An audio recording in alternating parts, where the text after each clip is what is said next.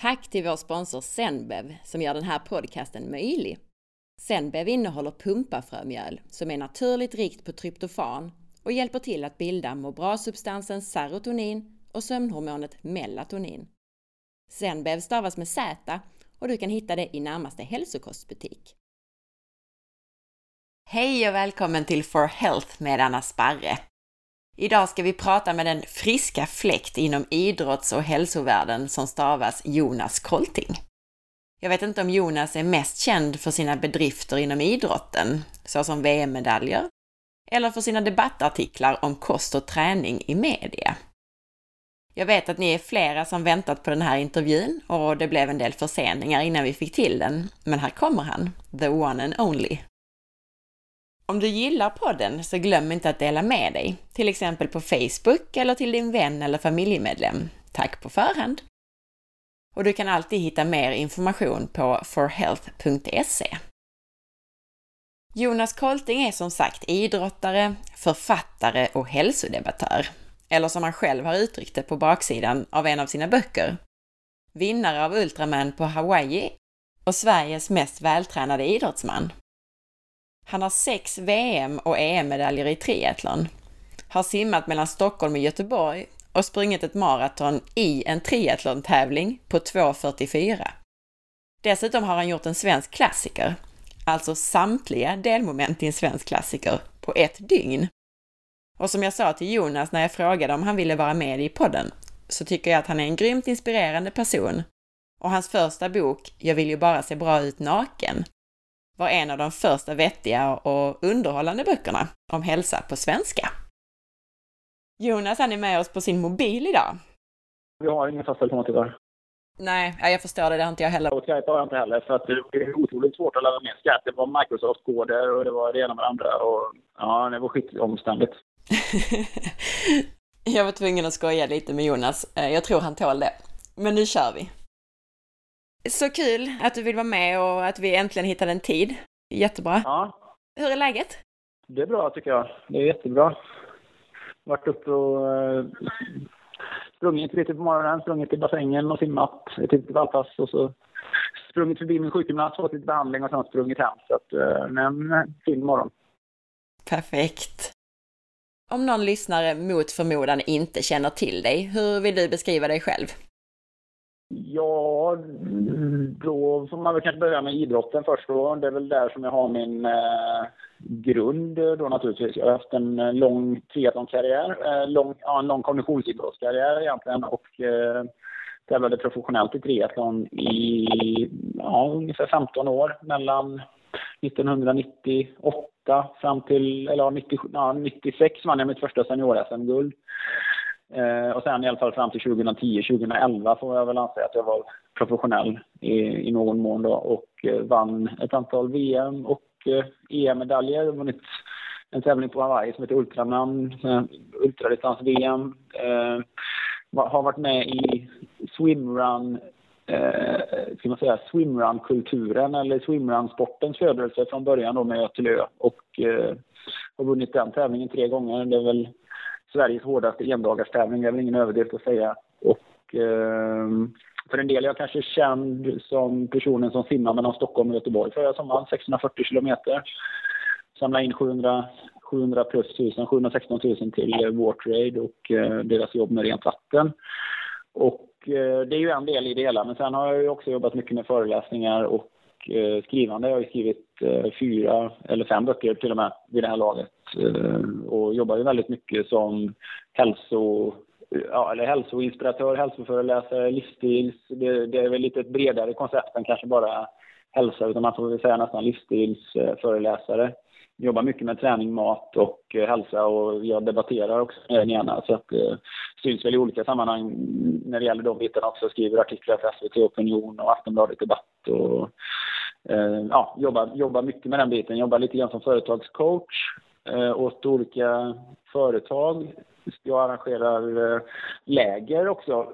Där har vi ju en eh, väldigt stor och expansiv rörelse nu med människor som vill hålla på med både triathlon och swimrun eller bara komma. Så jag arrangerar olika former av simcamps exempelvis, olika former av löpcamps. Jag var precis uppe i i, i Jämtland här och sprang eh, Jämtlandstriangeln då med 25 personer. Det är fantastiskt.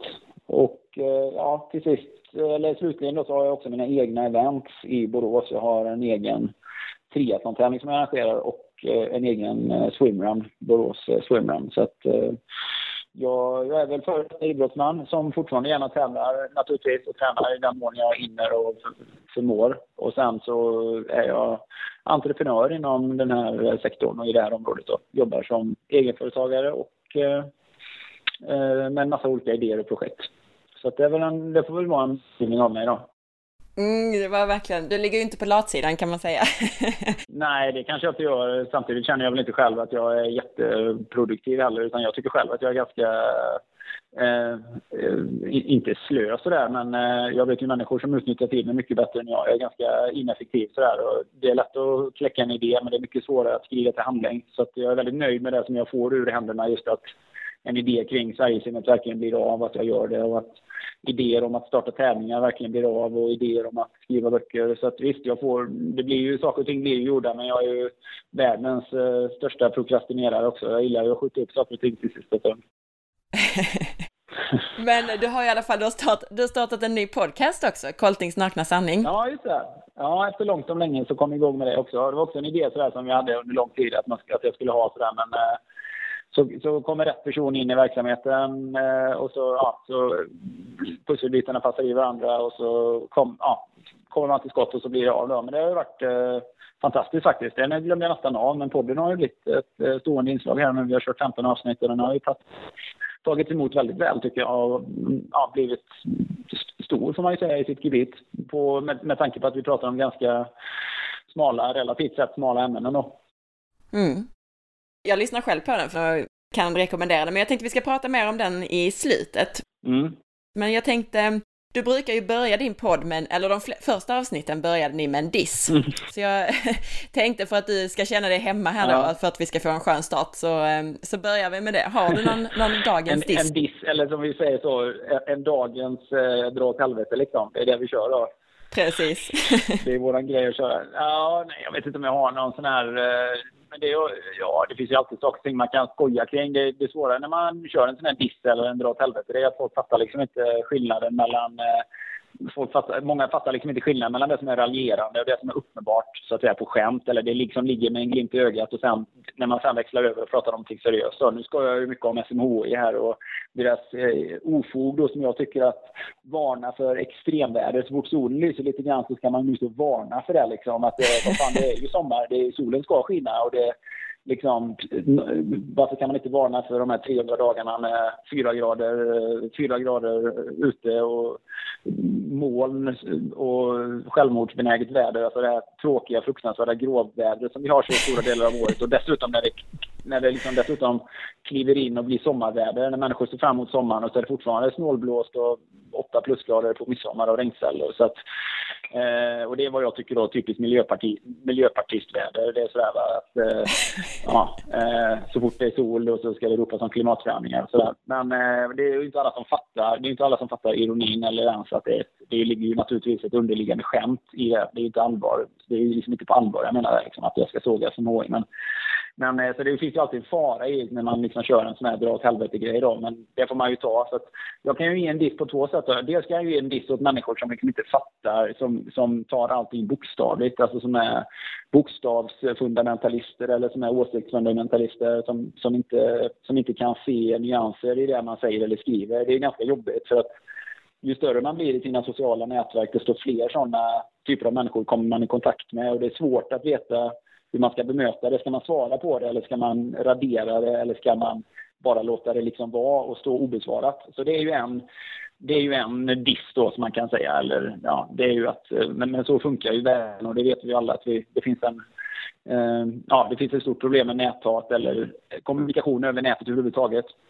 Så det är väl en liten diss. Men sen kan jag ju ta en liten diss som har med som har med kanske med hälsa att göra och det som våra respektive poddar handlar om. Och det är ju eh, svenska mataffärer faktiskt som jag kan känna eh, liksom ligger lite, att vi nöjer oss så väldigt lätt i Sverige med undermålig service faktiskt. Jag var ju alldeles nyss i Los Angeles och eh, där är det ju, eller överhuvudtaget i USA och Nordamerika i stort så är ju utbudet i affärer väldigt, väldigt bra. Servicen är väldigt god. Man behöver aldrig leta efter någonting speciellt länge utan att någon kommer och hjälper en. Och eh, det finns ett betydligt större sortiment av eh, högkvalitativ mat om man får säga. Dels så när det gäller färdiga rätter. Vi kan ju ta affären Whole Foods som exempel. Och det är ju inte bara att de serverar någon någon plocksallad där hälften är pasta som det är på svenska ICA-affärer utan det finns ju fantastiska vegetariska rätter i ett stort utbud och en mängd olika fiskrätter och kötträtter och soppor och blandningar av olika saker, sashimi och ja, det är liksom nivån är helt annorlunda. Man vet att man kan köpa grass-fed eh, organic beef och eh, det är ju en ganska skarp kontrast mot en svensk ICA-affär tycker jag. Eh, så att våran, eh, så jag tycker ju det är lite så här, det är lite tråkigt. Våra svenska mataffärer har en hög lägstanivå men också en väldigt, väldigt låg högstanivå tyvärr. Men eh, vi, ja, vi nöjer oss med det lite grann i Sverige. Så vi är ganska, vi, ja, vi, vi tycker det är så jättefint att det finns en liten, liten, liten hylla med ekologisk frukt att köpa liksom.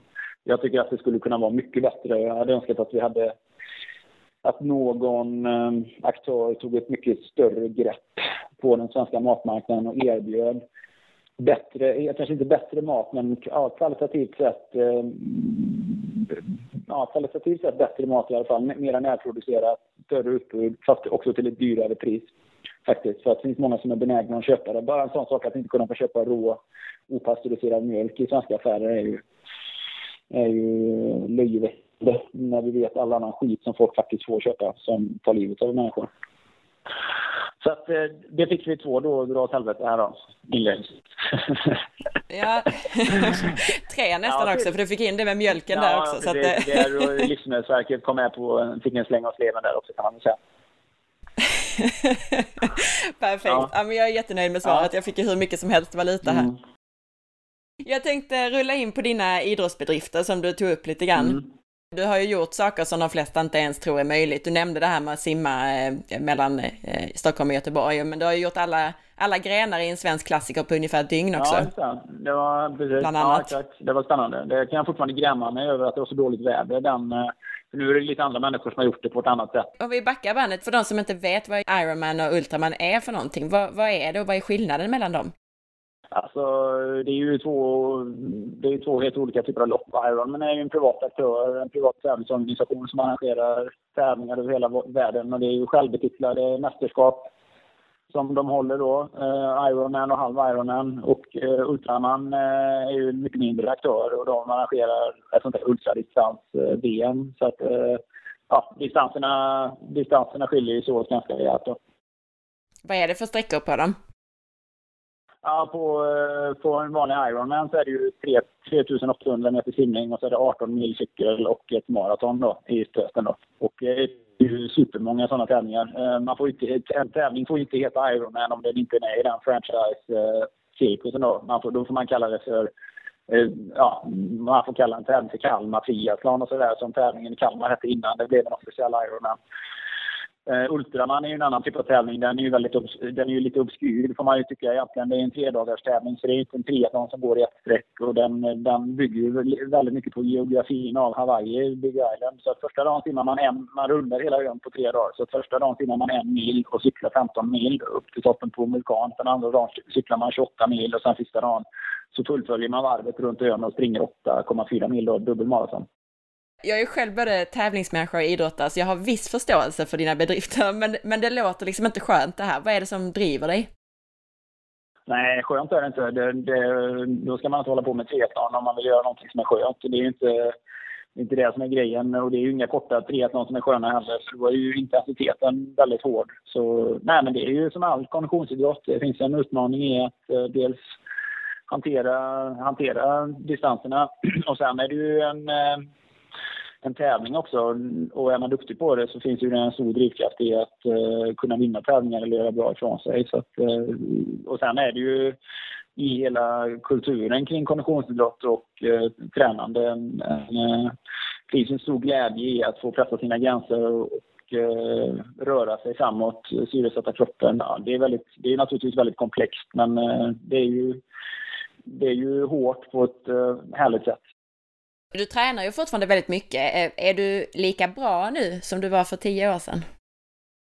Eh, nej, det är jag ju absolut inte. Eh, I alla fall inte på, inte på den renodlade triathlon eh, tävlandet som jag håller på med. Man ska ju komma ihåg, med, komma ihåg att elitidrott är ju väldigt specifikt. Så är man, är man för tio år sedan så eh, ja, då tog jag ju medaljer på, på riktiga VM, man säger långdistans-VM och sådär. Och eh, då hade jag en extremt hög prestationsförmåga i det hänseendet. Men, eh, men samtidigt så kanske jag inte var fullt så bra på andra saker. Det vet jag inte, men nu inbillar jag mig att jag är lite starkare än vad jag var då. Alltså rent muskulärt starkare för att jag kör mycket mer styrketräning.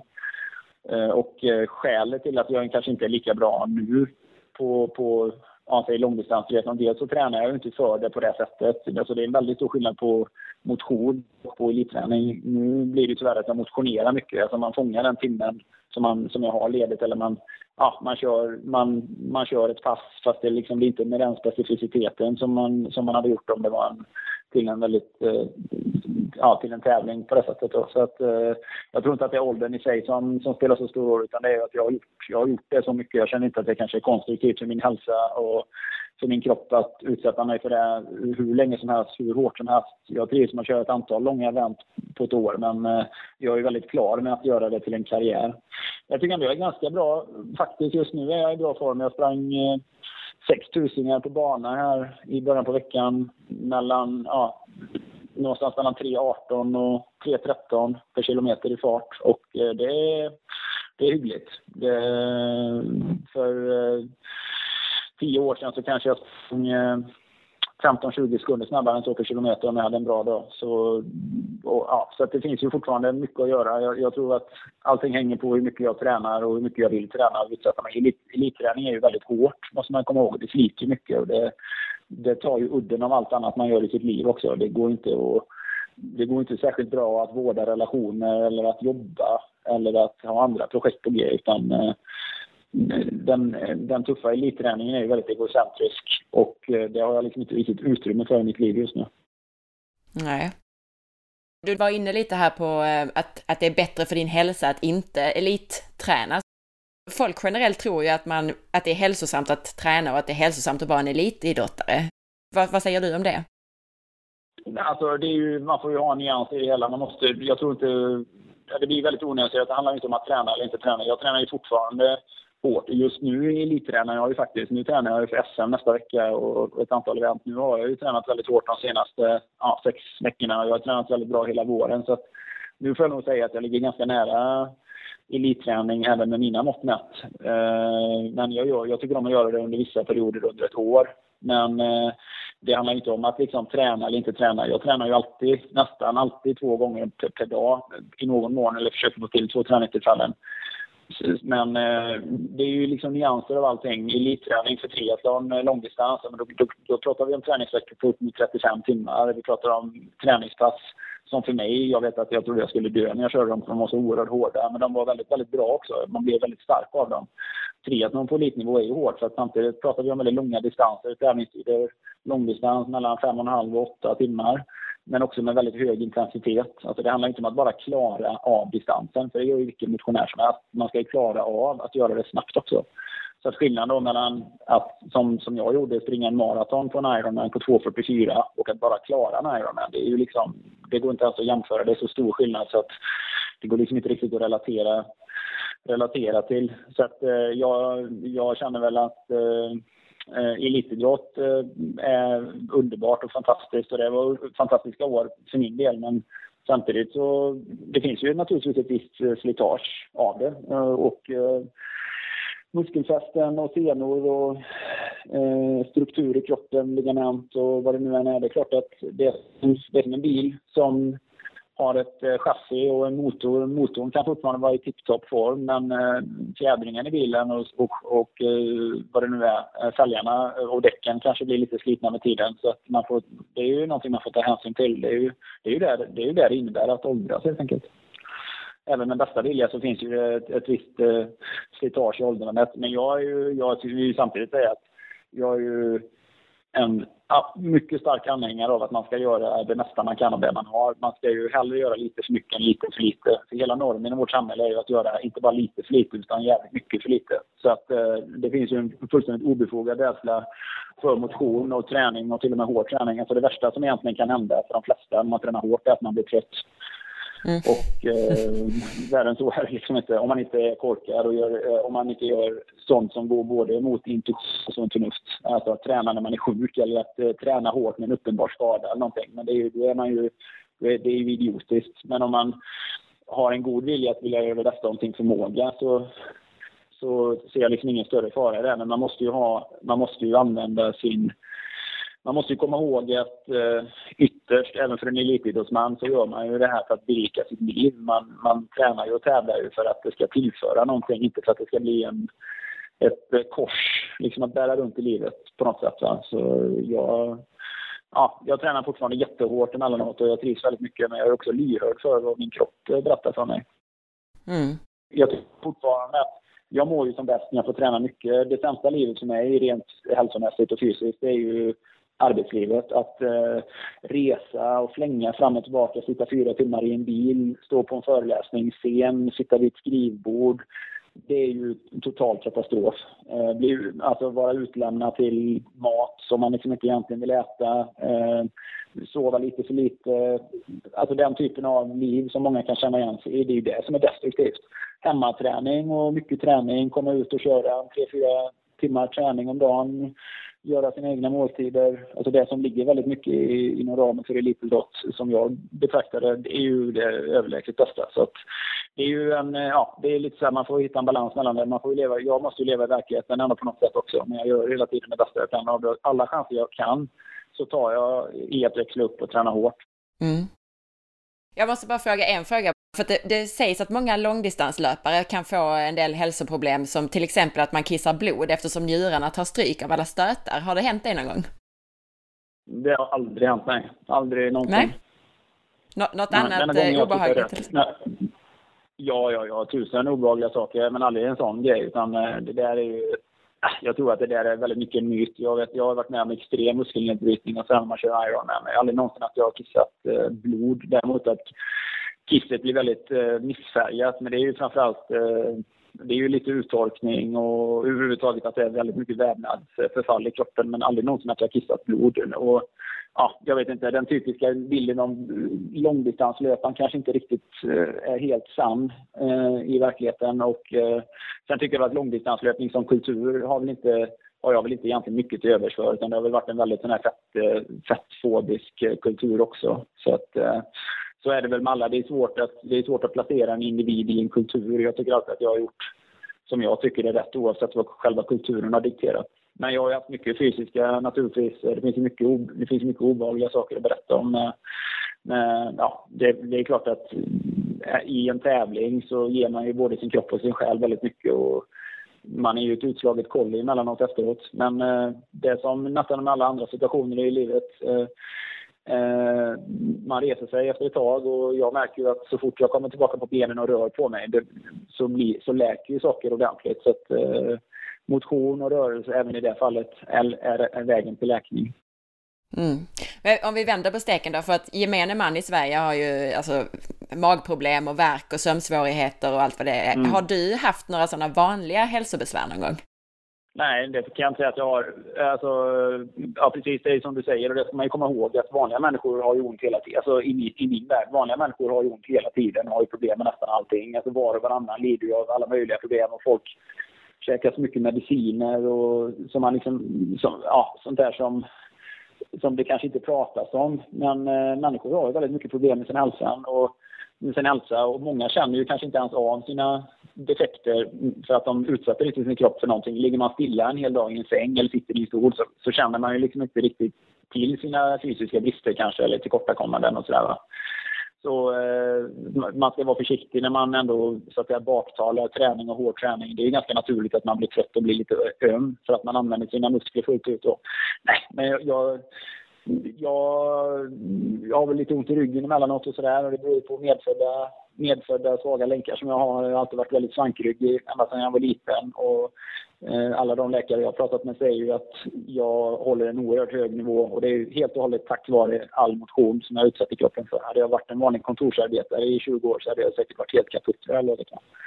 Så att återigen, men det är ju sånt som har med åldrande att göra. Det är ju ingen, ingen 60-åring som är lika pigg eh, och vig eller mjuk i kroppen som när vederbörande var 20 år gammal. Men eh, kan man fortfarande springa, simma, cykla, lyfta vikter, köra yoga när man är 60 så, så är ju det en fantastisk vinst. Det gör, det, dithän kommer man ju bara genom att vara aktiv hela livet igenom. Nej, men jag har klarat mig jättebra från alla. Jag är väldigt eh, robust så i min hälsa. Jag är, näst, jag är i princip aldrig sjuk. Ju, ju äldre jag blir desto mindre sjuk eller förkyld. Eller ju färre infektioner får jag. Nu, jag kan knappt komma ihåg. Det var faktiskt en, en, en lyssnarfråga till dig som var just när du blev förkyld senast. Ja, jag, kan inte, jag kan inte ens komma ihåg när jag var förkyld senast om jag ska vara helt ärlig. Jag är aldrig, alltså ta inte det här men jag är aldrig sjuk faktiskt. Och ändå utsatt jag är med för mycket resor och ibland lite för lite sömn och jag träffar jättemycket människor. Och, och sådär. Och jag hänför det helt och hållet till mat och eh, motion. Mat, motion och inställning. Alltså skälet till att folk är sjuka det är ju för att de rör sig för lite, äter fel mat. Och eh, sen har vi ju en eh, absurd eh, absurd på något sätt tro på desinficering och att vi ska liksom sterilisera våra liv. Och det är ju helt, jag tycker ju tvärtom. När vi utsätter oss för lite en naturlig bakterieflora så blir vi också väldigt eh, mycket, mycket tåligare. Så att jag, jag tänker aldrig ens på. Jag är helt ärligt, jag tänker knappt på att tvätta händerna och sånt där. Jag kan ta i saker efter att ha varit ute en hel dag, ta i saker och ting och äta rakt av. Men jag får aldrig några problem. Aldrig varit magsjuk, aldrig varit så här. Så att, ja, jag tror att det har väldigt mycket med livsstil i, i det stora hela att göra. Mm, instämmer. Jag kommer tänka, för jag lyssnade på ditt avsnitt när du pratade med din bror om att mm. han åt förruttnat kött för att få den här bakteriefloran. Ja. ja, det, så att, så långt kan man gå. ja, men, men alltså vi, vi, kan ju titta på, liksom, vi har den typen av produkter som säljs med just de attributen. Vi säljer ju det här eh, fruktansvärt, eh, fruktansvärt skämmiga produkten, eh, eh, vad heter det nu? Eh, nu tappar jag det bara för Proviva. det. Den här, eh, ja, Proviva exempelvis. Va? Det är ju fullständigt befängt ju. Eh, alltså det är ju bakterier, man tillsätter bakterier. Men man ska ju komma ihåg att mat, mat får inte ha läkemedelsegenskaper så att det är så små mängder eh, att det, är liksom, det, det gör vare sig till eller ifrån. Men eh, ändå så, så tror folk liksom att man gör någonting bra för sin hälsa fast den är värst, egentligen är bara värsta sockerbomben som man stoppar i kroppen. Så att eh, det, det, finns, det finns ju ändå någon form av det finns ju ändå någon form av grundförståelse för att vi behöver ha rätt, rätt, rätt typer av bakterier i kroppen. Att sterilisera vår tillvaro tror jag inte på något sätt är värdefullt, utan snarare tvärtom. Mm. Instämmer. De, de flesta här eh, av mina lyssnare, de undrar ju mycket om vad du äter. Vad har du ätit idag till exempel? Ja, idag, jag, idag så gick jag upp i morse och drack kaffe med lite kokosfett i då. Och eh, jag tränar gärna på fastande mage, i synnerhet när jag försöker. Nu försöker jag ju i ärlighetens namn bli ganska smal i och med att jag ska tävla i äh, tävla på SM nästa helg. Så att, äh, ska man springa fort så, så, så är kroppsvikten väldigt betydelsefull på elitnivå då. Men äh, i alla fall kaffe med kokosfett och sen sprang jag och simmade och sprang och sen kom jag hem och då käkade jag tre stekta ägg med en äh, avokado. Och eh, sen åt jag lite hemmagjord rabarberpaj faktiskt, som jag gör LCHF, eller jag vet inte vad man ska kalla LCHF, men det är, en, det är, en, det är rabarber och lite stevia och eh, sen nöt, en nötblandning på med hackade nötter och kokos blandat med smör och så in i ugnen. Så det käkar jag med lite grädde till. Det låter gott. Ja, det är jättegott faktiskt. Men jag tänkte på det också. Du, du åt inte innan träning, men du åt efter. Är det, är det viktigt att äta efter träning? Nej, tycker jag inte. Jag tycker man ska äta efter aptit. Jag tycker det finns en övertro även på det. Att man ska, jag menar, tydligen är att äta mer och oftare lösningen på alla problem. Eh, enligt eh, konventionellt tänkande. Men sanningen är ju att det är egentligen upphoven till alla problem. Så att, kan jag säga att jag kör ju väldigt många dagar korttidsfasta där jag inte äter någonting på 24 timmar. Jag tränar tre superbra pass och som exempelvis ur det här löppasset jag pratade om, jag sprang 6000 häromdagen. Det var ju gjorde jag på kvällen då med Elin och det var det tredje passet den dagen och eh, 24, ja, 23-24 timmar in i en korttidsfasta och var ja, rock solid. Jag var hur, hur pigg och stark som helst. Och eh, ja, kom hem och sen åt vi några timmar senare. Men jag tycker att uh, den, typen av, uh, den typen av retorik är väldigt mycket effekten av marknadsföring och produkter som vill säljas med... Det finns ju, visst, det finns ju någon form av det är självklart eh, om man kör en stenhård tävling och eh, jag menar, om man är, känner sig extremt sliten. Det är klart att det finns en rimlighet i att äta och dricka någonting och det gör man ju då för att man är hungrig. Men eh, annars tycker jag det generellt sett för vanliga människor, motionärer och sådär, finns en extrem övertro i eh, att man ska vräka i sig någon Gainomax eller någon annan sub, sub, subkvalitetsmässig produkt efter träning. Då. Mm. Men i min, i min erfarenhet så är ju vår ämnesomsättning mycket, mycket mer solid än så. Vi är inte så sköra. Vi är ju liksom inte... Jag stör mig mycket på det här tankesättet att vi, vi är som någon, vi är ungefär som en dator som har fruktansvärt dålig batteritid. Så, så, så, såvida inte, jag, såvida inte vi har sladden hela tiden så kommer det inte att fungera. Alltså sladden i, alltså typ ett, ett konstant flöde av socker in i kroppen eller energi. Och så sköra och, eh, bräckliga är vi inte som mänskliga varelser. Vi är mycket, mycket mer solida och starka och funktionella än så. Och eh, det enda sättet att trimma den förmågan det är ju att, att inte vräka i sig mat precis hela tiden utan att experimentera lite grann med korttidsfasta, träning på fastande mage, eh, livsmedel som inte automatiskt är späckade med socker och att man äter efter aptit. Det är ju det folk glömmer väldigt mycket idag. Man behöver inte äta bara för att det sitter någon jävla disk på Livsmedelsverket och säger att man ska äta fem gånger om dagen eller att det sitter någon företagssponsrad dietist på RF eller eh, som påstår att ja, varje träningstillfälle både före, under och efter så ska det liksom tillföra socker i stor mängd. Så att, eh, tänker man bortom de ramarna så finns det nog rätt mycket för många människor att upptäcka. Mm bara att upptäcka hur man lyssnar på sin kropp tror jag är en stor grej i det. Absolut. Väldigt mycket så. Väldigt mycket så att ja, aptiten styr. Alltså, vi har ju en väldigt god intuition i våra kroppar så att om vi äter efter den, den, de signalerna vi får att eh, nu är jag törstig, nu är jag hungrig, men nu är jag också mätt så, så kommer man långt tror jag. Mm. Jag hittade en kostregistrering som du hade publicerat på din blogg och i den så mm. ingick det bland annat Coca-Cola i samband med träning. Dricker du det när du tränar nu fortfarande?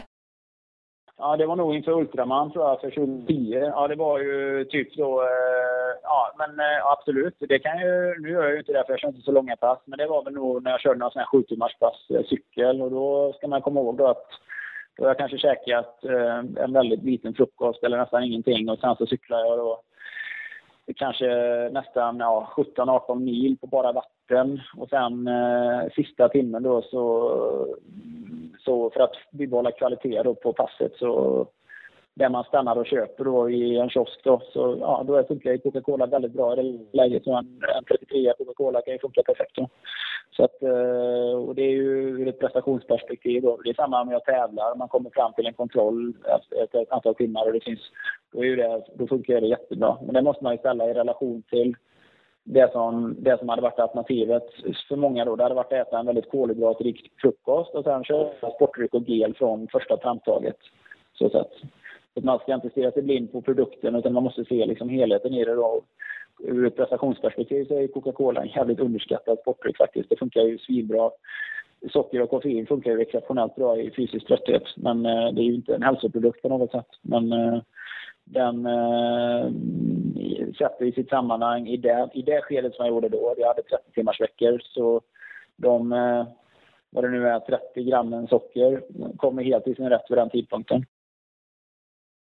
Jag vet ju att du började också din karriär så att säga med, med det spannmålssponsrade häftet Uppladdningen. Ja. Kostråd till, jag har också fått det efter det. Kostråd till unga idrottare som bygger på makaroner och flingor kan vi väl summera det som. Mm. Hur hittade du egentligen till den kost du äter idag? Alltså vad eller vem fick dig att byta spår? Ja, det var ju mycket internationella influenser får man säga. Dels så eh, ja, på den tiden då, om man tänker sig sent 80-tal, så när jag kom i kontakt med det, då var det ju extremt, då var ju det ännu mer onyanserat än idag. Då var ju så, då levde vi mitt i värsta guld, Svan-hysterin här med, det var ju liksom, man skulle käka gröt och flingor tills att det sprutade ur öronen då. Men eh, jag var väl ungefär som alla andra. Jag, min prestationsförmåga var ju ändå ganska hög så, så att det är inte, eh, det, det ska man ju liksom inte man, man kan ju prestera jättebra på kolhydrater men frågan är vad, och den typen av mat på, under kortare tid tror jag. Men samtidigt så tror jag att det också på lång sikt underminerar hälsan. Jag var ju mycket mer sjuk på den tiden och jag var inte alls lika uthållig och eh, jag eh, var liksom inte heller optimerad när det gäller kroppsvikt och sådär på något sätt. Och plus att man, ja, som många andra då, hade mer, inte problem med magen, men det var mycket mer så här springa in i skogen och bajsa när man var ute och sprang och sådär. Och ja, sämre, sämre eh, eh, vad ska man säga, matsmältning helt enkelt då. Så eh, jag kommer i kontakt med lite internationella influenser genom mina resor och sånt där som jag gjorde. Och den första boken, som, eller en av de första böckerna som jag läste som verkligen fångade mitt intresse då, det var ju en bok från en amerikansk eh, idrottstränare, kinesiolog eh, och eh, ja, en, en eh, auktoritet på området av Phil Maffetone, In Fitness and in Health. Den läste jag ju då 93, 94 någon gång. Och han var ju den första då mig veterligen som skrev om eh, vikten av goda fetter. Han pratade om vikten av att reglera insulin. Han pratade om vikten av att inte alltid köra hårt, alltså anaerob eller högpulsträning, utan att köra mycket mer måttlig konditionsträning. Eh, han pratade om kontinuitet och han pratade väldigt mycket om konceptet hälsa kontra konceptet fitness eller ja, idrottslig förmåga. Så det är två olika saker. Och att eh, hälsa eh, behövs alltid som en underliggande faktor eller som en bas för att kunna bygga prestation på. Och det, det, gick ju, det slog ju an en, en sträng hos mig, eller det slog an en ton hos mig. Och det, det lät väldigt rimligt och logiskt och jag kunde också relatera till väldigt många människor med hög prestationsförmåga fast med väldigt låg hälsonivå. Där eh, hela tiden jakten på prestation eller fitness överskred nivån av hälsa som fanns. Och det blir ju problem på sikt då naturligtvis. Så det, det fångar mig och sen utifrån den känslan och tanken så sökte jag mig till mera material och fler influenser och så blev det en väldigt lång resa då, både i att testa och pröva själv men också i i, i teorin i mycket av det som jag studerar. Men man kan säga att eh, Sverige låg ju väldigt långt efter i det sammanhanget. Då. Vi var ju väldigt eh, vi var ju liksom insnöade i hela den här kolhydrat och grötkulturen under lång tid och det har väl börjat släppa nu i viss mån. Men, eh, men eh, det var ju det var väldigt trögt i portgången att någon inte åt gröt innan träning. Det var ju fullständigt, o, fullständigt otänkbart liksom, tiden. Men idag nu, alltså när du ska tävla SM nu då till exempel, kommer du ladda med mer kolhydrater inför, inför det? Alltså jag kommer ju se till att jag, jag kommer se till att ha ätit eh, så att jag är mätt och sådär. Men jag kommer ju, jag tror ju på att, eh, att man ska starta en, en triathlon med, med sina depåer fulla naturligtvis eftersom det handlar om en prestationstävling. Jag är inte, jag är inte intresserad av att uppfylla någon dogm eller att eh, så att säga Eh, ja, jag är inte intresserad av att, jag är intresserad av att göra ett så bra lopp som möjligt. Så att eh, hel, kärnan i det ligger ju i att ha en bra träningsperiod och att ha en, en jättebra trimmad ämnesomsättning. Men sen så, så vill man ju också kunna utnyttja de kolhydrater på när man har naturligtvis. Men eh, många människor underskattar den lilla, alltså man behöver, det krävs så himla lite att fylla på sina depåer helt enkelt. Det krävs eh, det krävs inte många kolhydratrikare måltider innan man är fulladdad.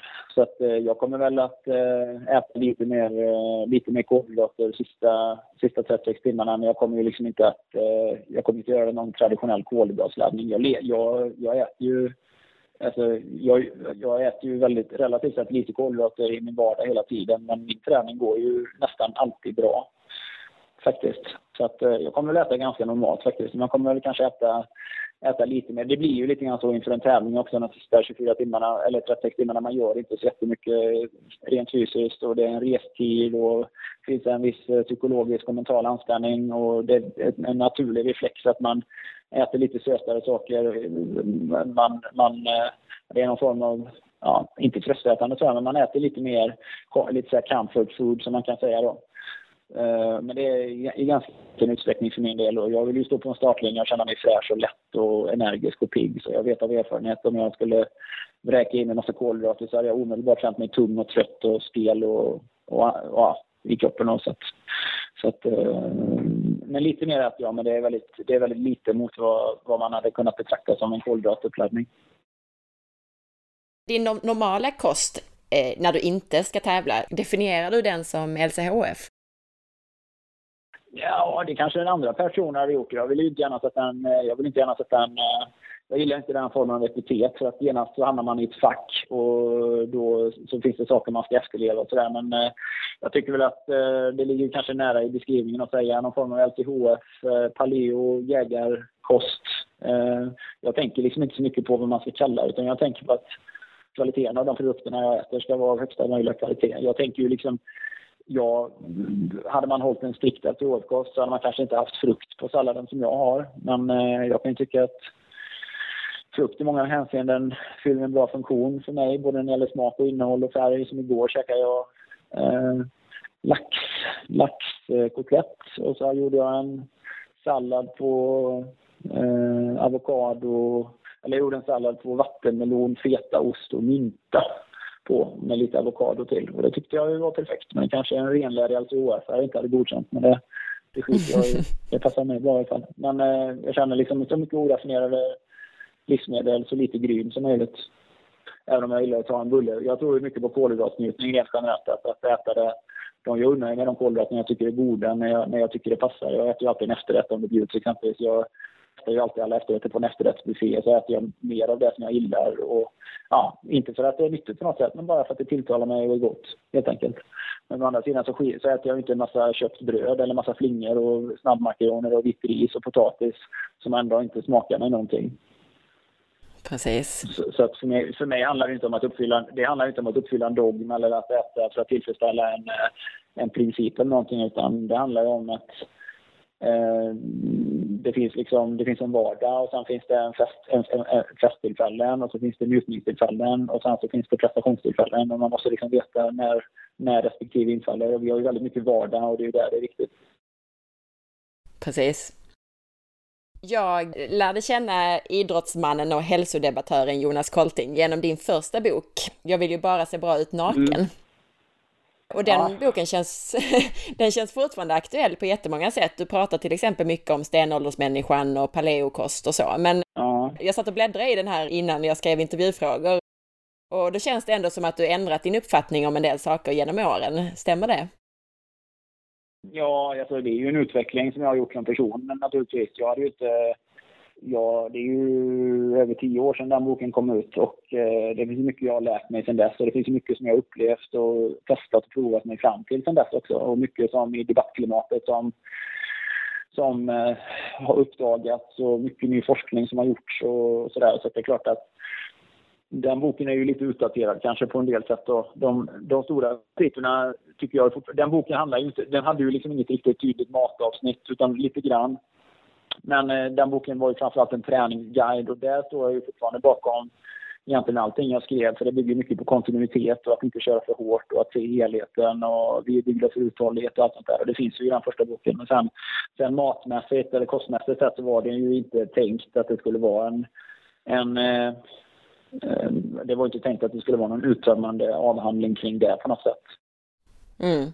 Nej, precis. Men den är ju väldigt, den är väldigt enkel och bra. Det är alltså många, jag får ju fortfarande frågor och sådär, input från den att folk har läst den. Den är ju, den är ju väldigt lätt, den är ju lättläst och den är ju lätt, eh, den är ganska kort och enkel och sådär. Och det har väl tilltalat människor också att den är lätt att plöja och man får med sig ett antal, ett antal tycker jag, väldigt värdefulla tips där i så.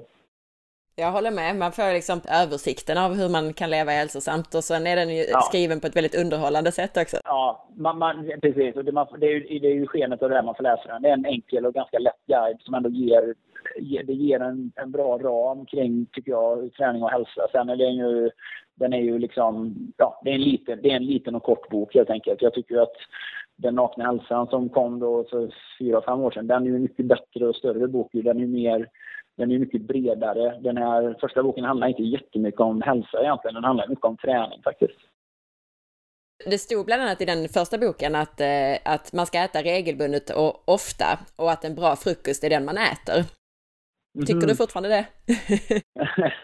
Nej, alltså det kanske, jag tror att det kanske låg lite grann i skenet av eh, kroppsbyggarkulturen. Jag försökte ju skriva den boken väldigt mycket som en, eh, alltså att vi var väldigt så ytligt fixerade kanske. Eh, det hela bokens titel syftar just att samhället bygger mycket på yta och utseende och så här. Och då hade jag inte själv experimenterat så mycket med korttidsfasta så det kan jag kanske revidera. Jag, vet, jag, jag har inte själv läst den på väldigt, väldigt länge så jag vet inte exakt var den formuleringen står men, eh, men eh, ja, man får väl sätta det i skenet av då att folk då kanske hoppar upp för sin frukost så att man liksom inte hinner äta på morgonen. Man tar en snabbkaffe och sen så blir det en fralla på jobbet och så blir det en stor kolhydratrik lunch istället. Då liksom. Det är väl kanske det då som eh, jag menar då. Att, eh, det är bättre att börja med en omelett ja precis.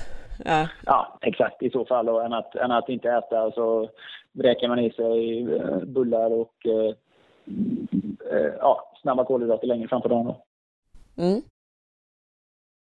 Jag tänkte, din podcast här, några ämnen som du har tagit upp är dietister och cykelbanor och ortorexi och fettskatt. ja, just det. Mina lyssnare kan ju lyssna på din podd för att höra mer om det, men jag tänkte bara vi ska kommentera ja. det här med dietisterna. Jag minns inte exakt formulering, men jag för mig att du uttryckte dig så här i avsnitt fyra. Dietister är Sveriges sämsta yrkeskår. Och du har även skrivit tidigare att, att prata om dietisternas yrkeskompetens är som att vara kartograf på 1400-talet och envist hävda att jorden fortfarande är platt. Och för vissa ja. så säger kanske ja, de här citaten allt, men, eh, men du kan väl förklara bara med några ord varför du tycker att dietister är en dålig yrkeskår? Alltså, precis, i det generella hänseendet får man säga, det, man ska ju komma ihåg att det finns enskilda dietister som gör ett jättebra jobb. Så att man, ska inte, man får inte dra, man får vara försiktig med att man får inte dra, bara för att man drar en en yrkeskår och generaliserar över den så finns det naturligtvis individuella, lysande individuella undantag på människor som gör, som gör ett helt annat jobb. Men dels har vi en övertro på människor som har en examen i någonting. Och en examen säger ju ingenting om man inte tar hänsyn till inom vilket paradigm de är utbildade.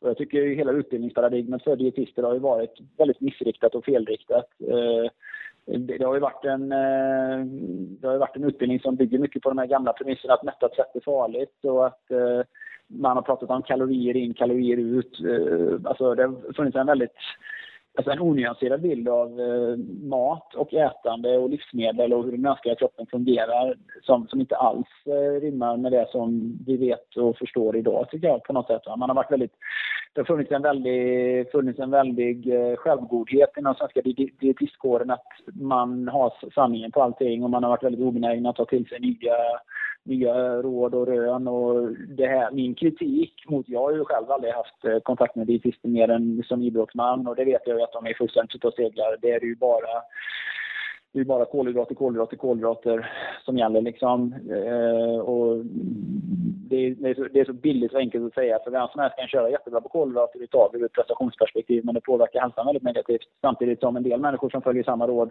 på motionsbasis faktiskt bara blir tjockare och tjockare. Så att min kritik riktar sig väldigt mycket mot den extrema självgodhet som de svenska dietister har levt under och eh, i, i den enorma respons, eller den enorma Eh, gräsrotsrespons eh, eller gräsrotsreaktion generellt på människor som har gjort förändringar på egen hand, som har gjort saker och ting tvärtemot dietister. Människor, alla det fanns ju exempelvis en, en fantastisk artikelserie i uh, Östgötakorrespondenten för förra året om uh, människor med diabetes typ 2 som uh, på eget bevåg då testar LCHF och hur de i sin positiva förändring, alltså man går ner mycket i vikt, värdena blir bättre, ändå blir aktivt motarbetade av dietister för att man gör tvärtom mot det de säger. Alltså den oerhörda tycker jag då, eh, inte kränkningen kanske, men återigen va, den oerhörda godheten att man jobbar ut, mer utifrån att uppfylla sina egna eh, dogmer och man ser liksom inte till patientens bästa. Man inser liksom inte att man finns på plats för att se till hur kan jag hjälpa den här individen eller patienten så bra som möjligt. Man är så man är så, man är så arrogant att eh, om inte man gör på mitt sätt eller vårt sätt så är man fel ute oavsett om resultatet blir bra. Och det tycker jag är extremt klandervärt och det tycker jag ser på många olika håll och kanter. Och jag tycker, alltså, så att jag, jag får säga att jag, jag, jag, kan störa mig väldigt, väldigt mycket på det. Vi pratar ju inte om Eh, för min egen del här, eller folk som jag, hårt tränande, friska, starka individer som kan göra egna val. Utan vi pratar om människor som faktiskt är sjuka på grund av sin kost och som eh, har en allvarligt försämrad livskvalitet och där ändå dietister inte, alltså på, i, i, väldigt grova och generella ordalag, är extremt dåligt dåliga på att vara lyhörda eller på att tänka själva och eh, de är mer intresserade av att bevara sin egen prestige som yrkeskår. Återigen, det finns lysande individuella undantag. Men det som stör mig också är att man blankt förnekar det här. Och man säger bara nej, så är det inte. Nej, nej så jobbar inte vi. Nej, men du, alltså sanningen är, alltså, och det stör mig just den här eh, den här oerhört låga självinsikten som, som man har i att, inte kanske som individ betrakta sig själv, men i att man kan liksom inte som enskild dietist eh, förneka att dietistyrket och dietistkåren under de senaste 20-30 åren har bedrivit en fruktansvärt eh, Alltså, nästan, eh, de har, ju varit, eh, de har ju varit ett hot mot svensk folkhälsa, nästan får jag säga. Tycker jag. Men hur ska vi komma till rätta med det? Jag säga att den här, Nej, alltså, nej, hur man ska komma till rätta som individ så ska man väldigt konsultera en dietist helt enkelt.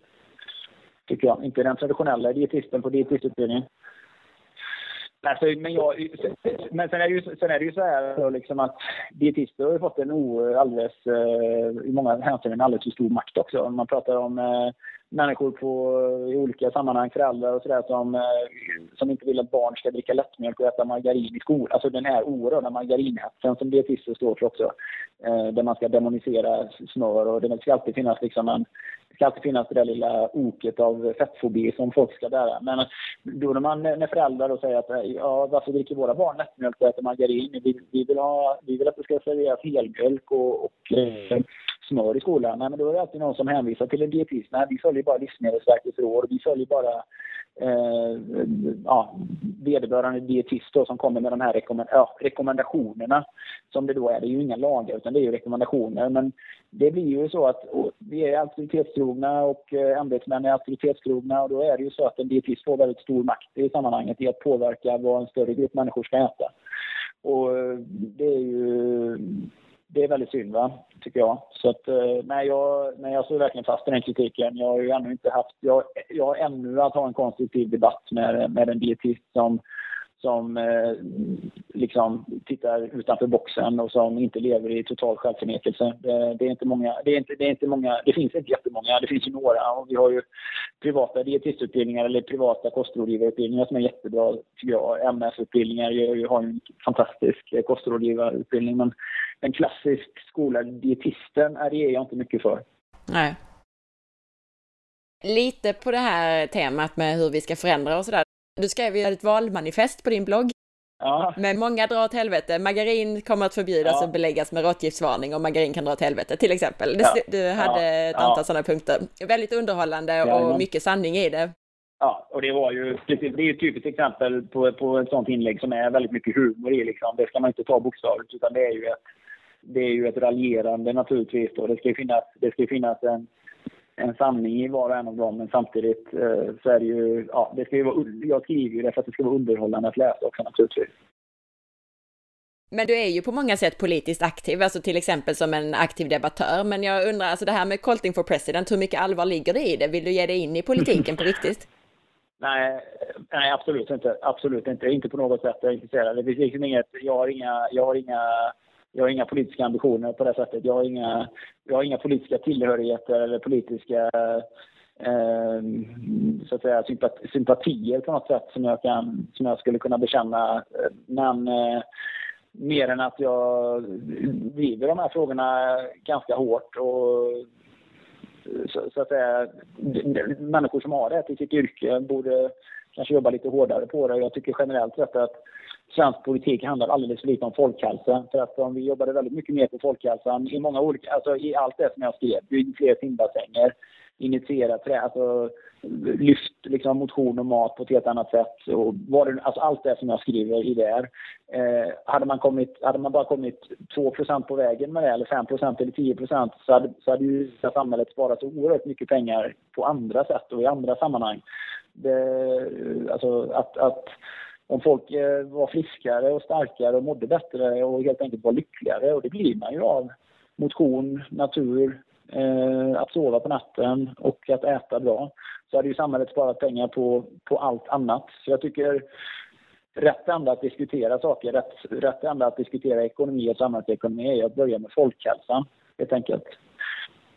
Så att, eh, det är ju en sån här, ett sånt där grepp som inte jag känner att man tar. Men det är ju, jag hade aldrig kunnat bli politiker för det, jag hade ju hamnat i ett ändlöst skyttegravskrig med en massa, typiskt den, typiskt den typen av människor som jag dissade i början där. Människor som Eh, alltså det går liksom inte att diskutera det här utan att någon känner sig kränkt eller utan att, eh, utan att det skapar, det skapar en massa det blir bara pajkastning till höger och vänster i sammanhanget och det går liksom inte att komma förbi det nästan. Va? Och eh, jag känner väl att jag är alldeles för politiskt inkorrekt för att kunna vara politiker på riktigt. Så det tror jag jag betackar mig för. Jag tror inte jag hade kunnat få uträtta någonting eh, överhuvudtaget. För man hade fastnat liksom, man hade kört fast på en gång. Det politiska etablissemanget är nog inte alls till för mig på det sättet. Men däremot så driver jag ju gärna de här frågorna som oberoende debattör i sammanhanget. Va? Det tycker jag är jätteviktigt. Och eh, det, det, det är ju ett sätt att sätta press på, sätta press på politiker och makthavare och tjänstemän om inte annat. Eh, jag tror att man kan göra mycket på lokal nivå eh, i sin kommun och i sin stad. Där finns ju det liksom närmare vägar att gå. Inte minst när det gäller att tillhandahålla möjligheter för träning. Ja, en sån här grej som simhallar exempelvis, det är ju en sån här stridsfråga som jag gärna tar upp och pushar. Så jag pratar mycket om det i alla sammanhang när man eh, diskuterar kommunala investeringar eller tillgänglighet och motion. Att man ska bygga mycket mer eh, ja, typ simhallar som är till för alla. Som inte bara är arenaidrott där folk ska gå och titta på idrott utan eh, simhallar som är verkligen till för folkhälsa och motion och idrott och rehab och skoj och lek och simsäkerhet och så vidare. Du tog upp här nu när vi pratar politik så tog du upp det här med pajkastning och att vara åsiktsstark som du är innebär ju ofrånkomligen också en del mothugg och taskiga kommentarer kan jag tänka mig. Mm. Hur känns det att få sådana negativa kommentarer? Nå, Blir du någon gång ledsen? Jag kan ju åt mig lite grann ibland. Det kan jag ju naturligtvis göra. Jag kan ju veta själv när jag, kan, när jag har liksom eh, banat väg för det. Ibland så vissa skämt eller sådär kanske är lite onödiga. Det, det får jag skylla mig själv kanske. Men, eh, men jag tycker, ja, jag, jag, jag, är ganska, jag är ganska hårdhudad och man, man ska komma ihåg att en sak, en sak är ju ton och sånt där som man kan hålla i sin offentliga retorik i sociala medier. Men och det kan ju folk kanske ha en bild av mig innan de har träffat mig. Men sen när folk som, när jag håller eh, föreläsningar eller när jag är alltså, som fysisk person så, så, så tror jag att alla som, de flesta, nästan, nästan alla som kommer ifrån ett möte med mig eller en föreläsning tror jag upplever mig kanske på ett helt annat sätt. Men jag, så att, eh, jag tror att vi kanske är lite snabba med att döma folk eh, rent generellt. det är ju inget nytt fenomen. Det är ju inte bara jag som drabbas av det i så fall via sociala medier. Utan det är väl alla människor som har en åsikt. Så att äh, på det stora hela, jag är ganska opåverkad för att säga, även om jag jag kan ju bli ärligt eh, upprörd när jag, blir, när jag missförstås på sånt som jag, som jag själv har ett ärligt uppsåt att prata kring och om. Det får jag säga. Men mm. eh, jag, jag tar åt mig av, all, av alla berömmande kommentarer jag får eller av alla människor som skickar snälla, glada, positiva eller tacksamma mejl eller respons till mig. Det tar jag åt mig mycket mer av. Jag, jag har lärt mig att stänga ut eh, negativa kommentarer. Jag kan ju absolut ta, ta åt mig av kritik som är, som är berättigad, det gör jag också. Men eh, samtidigt folk, sånt som är bara ren missunnsamhet eller avundsjuka eller eh, alltså, folk som vill missförstå, det, det, stänger jag av. Jag är inte sen på att blockera folk på sociala medier eller bara vet. Jag, jag kan byta ifrån mig i så fall om det drabbar mig. Men eh, ja, jag, tycker, eh, jag tycker inte det är något större problem faktiskt. Ett ämne där jag tror att du kan missuppfattas någon gång, det är det här med träningsmängd och, och utmattning och så vidare. Jag skrev de här frågorna innan du gjorde ett förbannat bra avsnitt om just det här med träningsmängd och utmattning, men eh, mm.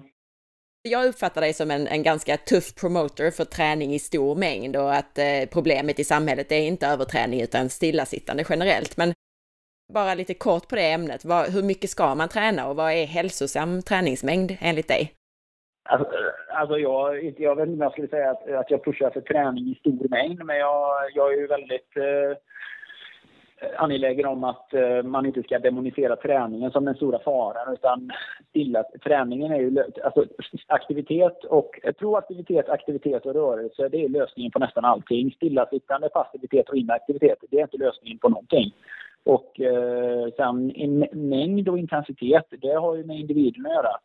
Har man eh, jag menar, är man... Eh, det kan ju vara så att eh, vissa människor bara kan promenera ett varv runt kvarteret, men då är det mycket bättre att göra än att sitta helt still och bara ge ingenting till bara. Va? Så att är man, är man som jag så, så kan man och, kan man och bör man kanske träna tre gånger om dagen och, och fyra timmar totalt. För att det är liksom min nivå. Men eh, det handlar mer om en inställning till livet rent generellt, tycker jag. Och, och att bara för att saker gör oss trötta eller är hårda så betyder inte det att det är negativt för oss, utan snarare tvärtom. Vi har ju en, en kultur, tycker jag, på det stora hela som uppmuntrar till, lättje, till lättja eller eh, inaktivitet. Vi, vi är benägna att missförstå skillnaden mellan vila och passivitet. Eh, vilar, det gör ju vi när vi sover på natten. Vila gör ju vi som en kontrast till fysisk aktivitet. Vi blir naturligt trötta och kroppen vill återhämta sig på natten och vi, och vi ska sova och sådär. Men att vara inaktiva, att sitta i soffan och hänga, att, att uh, ha stillasittande yrken och det har ju nästan alla människor idag. Att ifrån ett stillasittande yrke eh, åka hem och fortsätta vara stillasittande hemma och sen vara förvånad över att man blir sjuk eller får ont eller mår dåligt. Det är ju liksom, för mig är ju det alldeles uppenbart var problemet ligger. Va? Så att jag gillar inte helt enkelt demoniseringen av träningen. Jag gillar inte den här typen av debatten. Vi pratar om träningshets ortorexi. Så vi pratar om helt andra saker. Vad vi pratar om är ju en fixering vid skeva kroppsideal. Vad vi pratar om är ju en, en liten klick med människor, typiskt då yngre, ton, yngre tjejer, tonårstjejer, som har förebilder då på Instagram med massa jävla fitnessbrudar som bara jobbar med sitt utseende, som står och putar med bröst, läppar och rumpa och som inte har någonting att göra med hälsa egentligen att göra. Men den typen av människor blir förebilder och skapar liksom en, en fixering vid ytliga attribut eller en fixering eller helt enkelt en överkonsumtion av den här typen av sociala medier för folk. Det är det som är problemet. Problemet är inte att, att, att man var ute och sprang en timme i skogen. Det är ju aldrig problemet. Så att, eh, jag tycker debatten förs på helt, helt felaktiga premisser. Den förs på helt felaktiga grundvalar och man, man angriper saker och ting. Man, man angriper fel saker eh, helt enkelt. Och, eh, så att det, det försöker jag ju verkligen att reda eller jag försöker ju att vara, ta en tydlig ståndpunkt i, i det sammanhanget och prata om prata om just, och det har jag gjort egentligen ända sedan jag började föreläsa, just att den här jakten på yta, utseende och ytliga attribut, ja det är ju ett jätteproblem. Men det har ju ingenting med aktivitet som sådan att göra. Det betyder ju inte att det är sämre för oss att vara ute och röra på oss än att det är att sitta i soffan, utan det är ju helt tvärtom. Så eh, det, ja, så att sen hur mycket man ska träna, jag tycker absolut att vi ska vara aktiva två gånger om dagen. Men har vi ett normalt svenskt vardagsliv så, så är vi ganska stillasittande i vår vardag, i vår arbetsdag. Och att få ett motionstillfälle på förmiddagen och ett på eftermiddagen eller kvällen, det vore ju helt rimligt och normalt. Det är ungefär som att borsta tänderna två gånger om dagen tycker jag. Det behöver inte vara hårt och det behöver inte vara långt och det behöver inte vara intensivt. Man kanske inte ens behöver byta om. Men att, men att röra på sin kropp, men att använda sin kropp, att andas och syresättas och att primärt också komma ut i naturen. Det är ju, det är ju livsgivande liksom. Det ger ju, skänker energi och glädje till våra liv. Sitta framför tvn och käka godis eller att sitta nedhukad framför datorn eller sin iPhone timmar varje dag och liksom prata om att träningen är det som är problemet. Det är fullständigt befängt och absurt. Så jag fattar inte vilka det är som driver den här agendan. Men det är typiskt också människor som jobbar med det med prestige. Den här ortorexipprocessen. Alltså det blir ju en prestigefråga för de här där man vill, oh, det är träningen som är farligt och att så fort man gör någonting mer än två gånger i veckan så är det träningshets och ortorexi. Alltså det är så jävla löjligt så att jag vet inte var man ska börja i sammanhanget. Vi är, vi är, vi är fysiska varelser helt enkelt. Vi mår bra av kravlös kravlös och prestationsbefriad motion. En del människor vill ha kanske lite mer kravfyllt och prestationsinriktat för att vi gillar att tävla, eller vi gillar att träna för en tävling. Men, men eh, i grund och botten så, så eh, är ju syresättning och motion och frisk luft och eh, att få svettas och bli varm och få röra sig ute i naturen. Ja, det, det är glädje och liv för mig. Och för andra mm. tror jag. Jag håller med dig i det här. Eh, jag vill bara fråga, det finns en liten grupp, nu ska jag betona att det är en liten grupp, men jag har ganska många klienter som kommer till mig med stressrelaterade besvär och som har gått in i väggen kanske mm. av jobb och annan stress så att säga. Och ett av råden som de nästan alltid får från sin läkare då är att träna mer. Så eh, de här duktiga då, typ A-personerna, går ju ofta slaviskt till gymmet och ställer sig på löpbandet. Mm. I min erfarenhet så, är det, så blir de inte alls bättre av det, utan tvärtom sämre. Vad säger du mm. om det? Eh, ja, jag förstår vad du menar. Och det, det, är, det är ju svårt naturligtvis. Det är lite komplext. Och det är ju ja, det är en liten grupp av individer som, eh, som är väldigt drivna typ av personligheter och sådär. Och, eh, ja, det, ja, det är svårt att säga faktiskt om man ska vara helt ärlig. Jag tror ju att det är sällan träningen som sådan. Det kan ju vara så att kanske ja, träningen också utförs tvångsmässigt men, och det läggs ovanpå då en redan väldigt tuff vardag. Man har också väldigt höga krav på sig i sitt privatliv och i sitt yrkesliv och i sitt, man vill vara en perfekt människa i alla avseenden och det, det blir ju en väldigt, eh, det är en väldigt stor pott av stress att hantera. Så att jag, tycker, jag tycker kanske att det är mer en psykologisk eh, fråga. Det är mer ett, eh, ett tvångsmässigt beteende som man ska hantera det. Och så att, det är lite svårt att eh, svara på men jag tror ju om man breddar frågan lite när det gäller psykisk ohälsa eller stressrelaterade problem så är ju fortfarande lösningen att, att, eh, att sitta hemma och vara stilla. Det är inte lösningen på problemet utan att, att eh, man får ju bearbeta det på andra olika plan. Jag tror fortfarande att en, en eh, joggingtur i skogen är en del av lösningen. Att springa maniskt på ett löpband på ett gym i den typen av miljö som gymmen tillhandahåller. Det tror jag kanske inte är lösningen då. Men eh, jag förstår ju, jag, jag, jag, jag inser ju problematiken och jag är väl bekant med den typen av personlighet hos människor. Men jag tror att det är ett mycket större grepp som behöver tas. Det är alltså hela livssituationen som är stressande i det här fallet. Eh, mm. Jag, är fort, jag är fortfarande övertygad om att syresättning och motion, fast i helt andra former, under helt andra premisser, är en del av lösningen. Det är inte en del av problemet egentligen. Bra svar.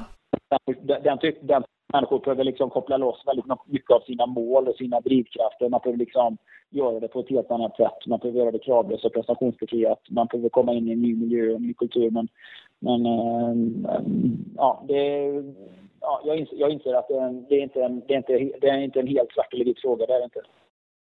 Och det är samma med människor som lider av ätstörningar eller, eller, som har en underliggande psykisk ohälsa på något sätt eller en underliggande psykisk eh, Eh, någon, alltså en, ja, en underliggande psykisk ohälsa så, så, så, är det ju, så blir ju, alltså, det, träningen blir ju en del av sjukdomen. Träningen blir ju ett sätt att accelerera sin sjukdom. Träningen blir ju ett sätt att accelerera den, den delen av sin identitet som man vill bekräfta genom det. Men det finns ju liksom en, det finns ju en bakomliggande psykisk eh, eller mental ohälsa som, som behöver adresseras. Så att träningen i sig är ju inte att skylla, utan träningen är ju mer en det är mer ett symptom i så fall på någonting större som är fel. Va? Alltså, och jag tycker fortfarande att det, det, det är ett fåtal procent som det här handlar om och i den stora debatten, i det allmänmänskliga och i det, eh, på det nationella planet, eh, på, i det som vi bör diskutera i, i samhället, så är det ju så att vi kommer aldrig ifrån att inaktiviteten är den stora boven och bara folk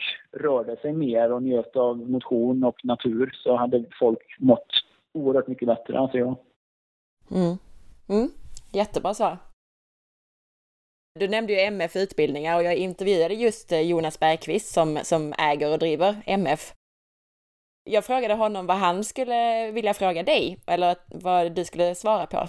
Och han undrade då vad du ser framför dig gällande kostråd inom idrotten. Alltså var är vi om fem år eller ja, 10-15 år?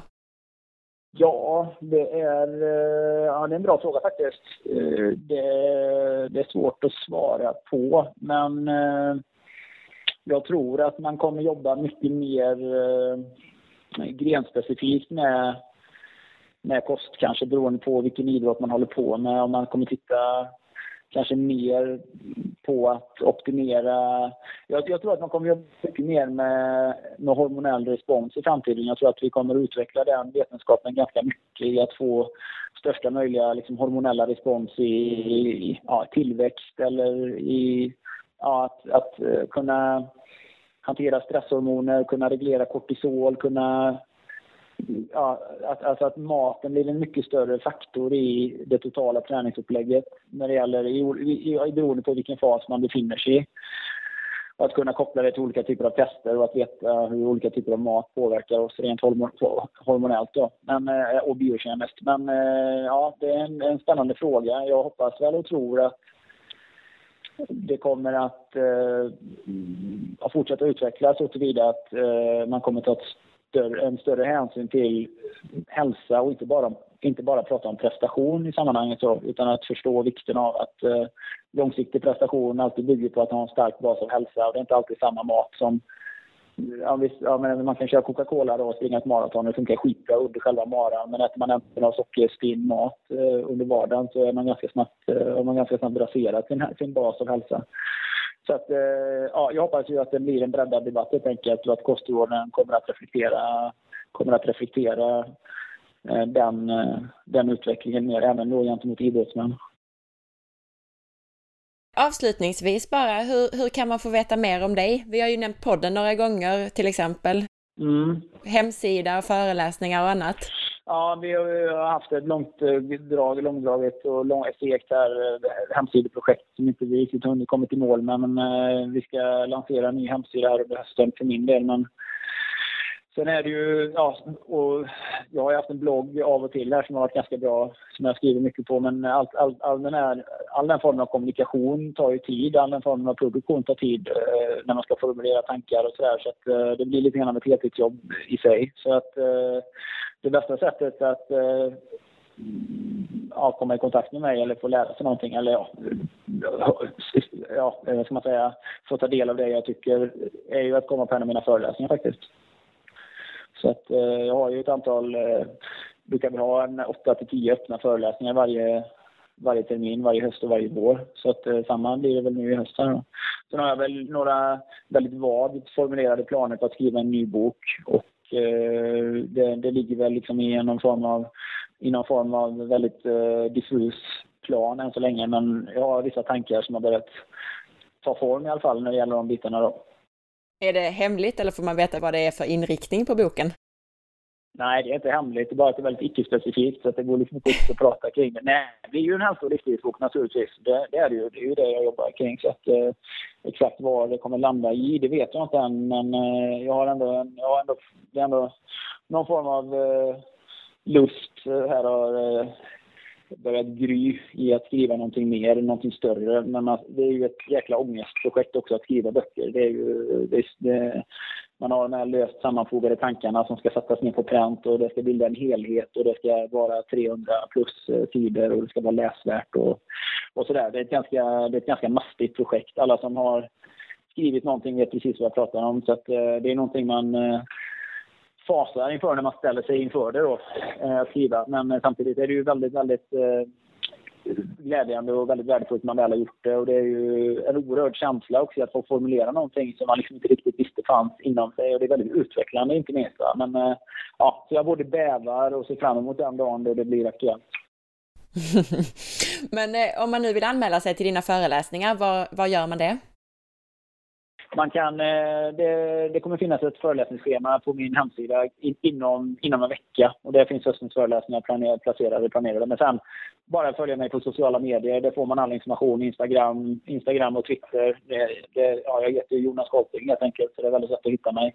Man kan prenumerera på mitt nyhetsbrev och det kan man gå in på min företagssida då, som också heter Jonas Kolting på Facebook. Där kan man, det finns eh, prenumerationslänkar. Det kommer ju ett eh, nyhetsbrev varje vecka med en text och ett recept och, och sådär med information. Så att eh, det finns, jag har ju ett antal aktiviteter varje gång. Man kan komma på simcamp, man kan, komma, kan springa med mig i fjällen, man kan göra lite olika grejer. Och allt, följer man med i de kanalerna så får man reda på allting. Jag kanske kommer på ett simcamp, för jag är ju själv surfare, men jag känner ja, att jag är en ganska jag. dålig simmare, så att jag borde förbättra det. Ja, det är inte så svårt. Din hemsida sa du att man skulle gå in på. Vad, vad är adressen till den? Eh, Coaching.se. Karlting.se, jättebra. Är det någonting som du vill summera eller eh, några sista kloka ord? Ja, vad ska det vara? Vi ska träna för att vara lyckliga helt enkelt. Det är viktigt att komma ihåg allt det här som vi gör med mat och proaktivitet och träning. Det är ju någonstans ytterst för att eh, eh, ja, skapa syfte, sammanhang och lycka och mening i våra liv. Det är viktigt att komma ihåg. Så ingenting ska vara ett tvång, ingenting ska vara ett tvång på ett negativt sätt. Men vi, vi gör det för vår egen del och för att ja, göra det mesta av våra liv och skapa mycket lycka, glädje och kärlek i våra, i våra närhet helt enkelt. Utmärkt. Tack snälla för att du tog dig tid och lite extra tid att vara med. Ha en fin dag och en trevlig helg. Ja, du med. Tack så mycket. Tack för att du lyssnade. Du vet väl om att du också kan boka mig som föreläsare till ditt företag eller till privata grupper? Missa inte heller att följa med på Facebook och Instagram. På Facebook så hittar du mig och For Health på facebook.com forhealth.se och på Instagram under asparre. Gå gärna in i iTunes och lämna betyg och recension och titta in på bloggen på forhealth.se för att till exempel önska intervjupersoner eller ställa frågor som du vill att jag eller en intervjuperson besvarar i podcasten. Ha en underbar dag!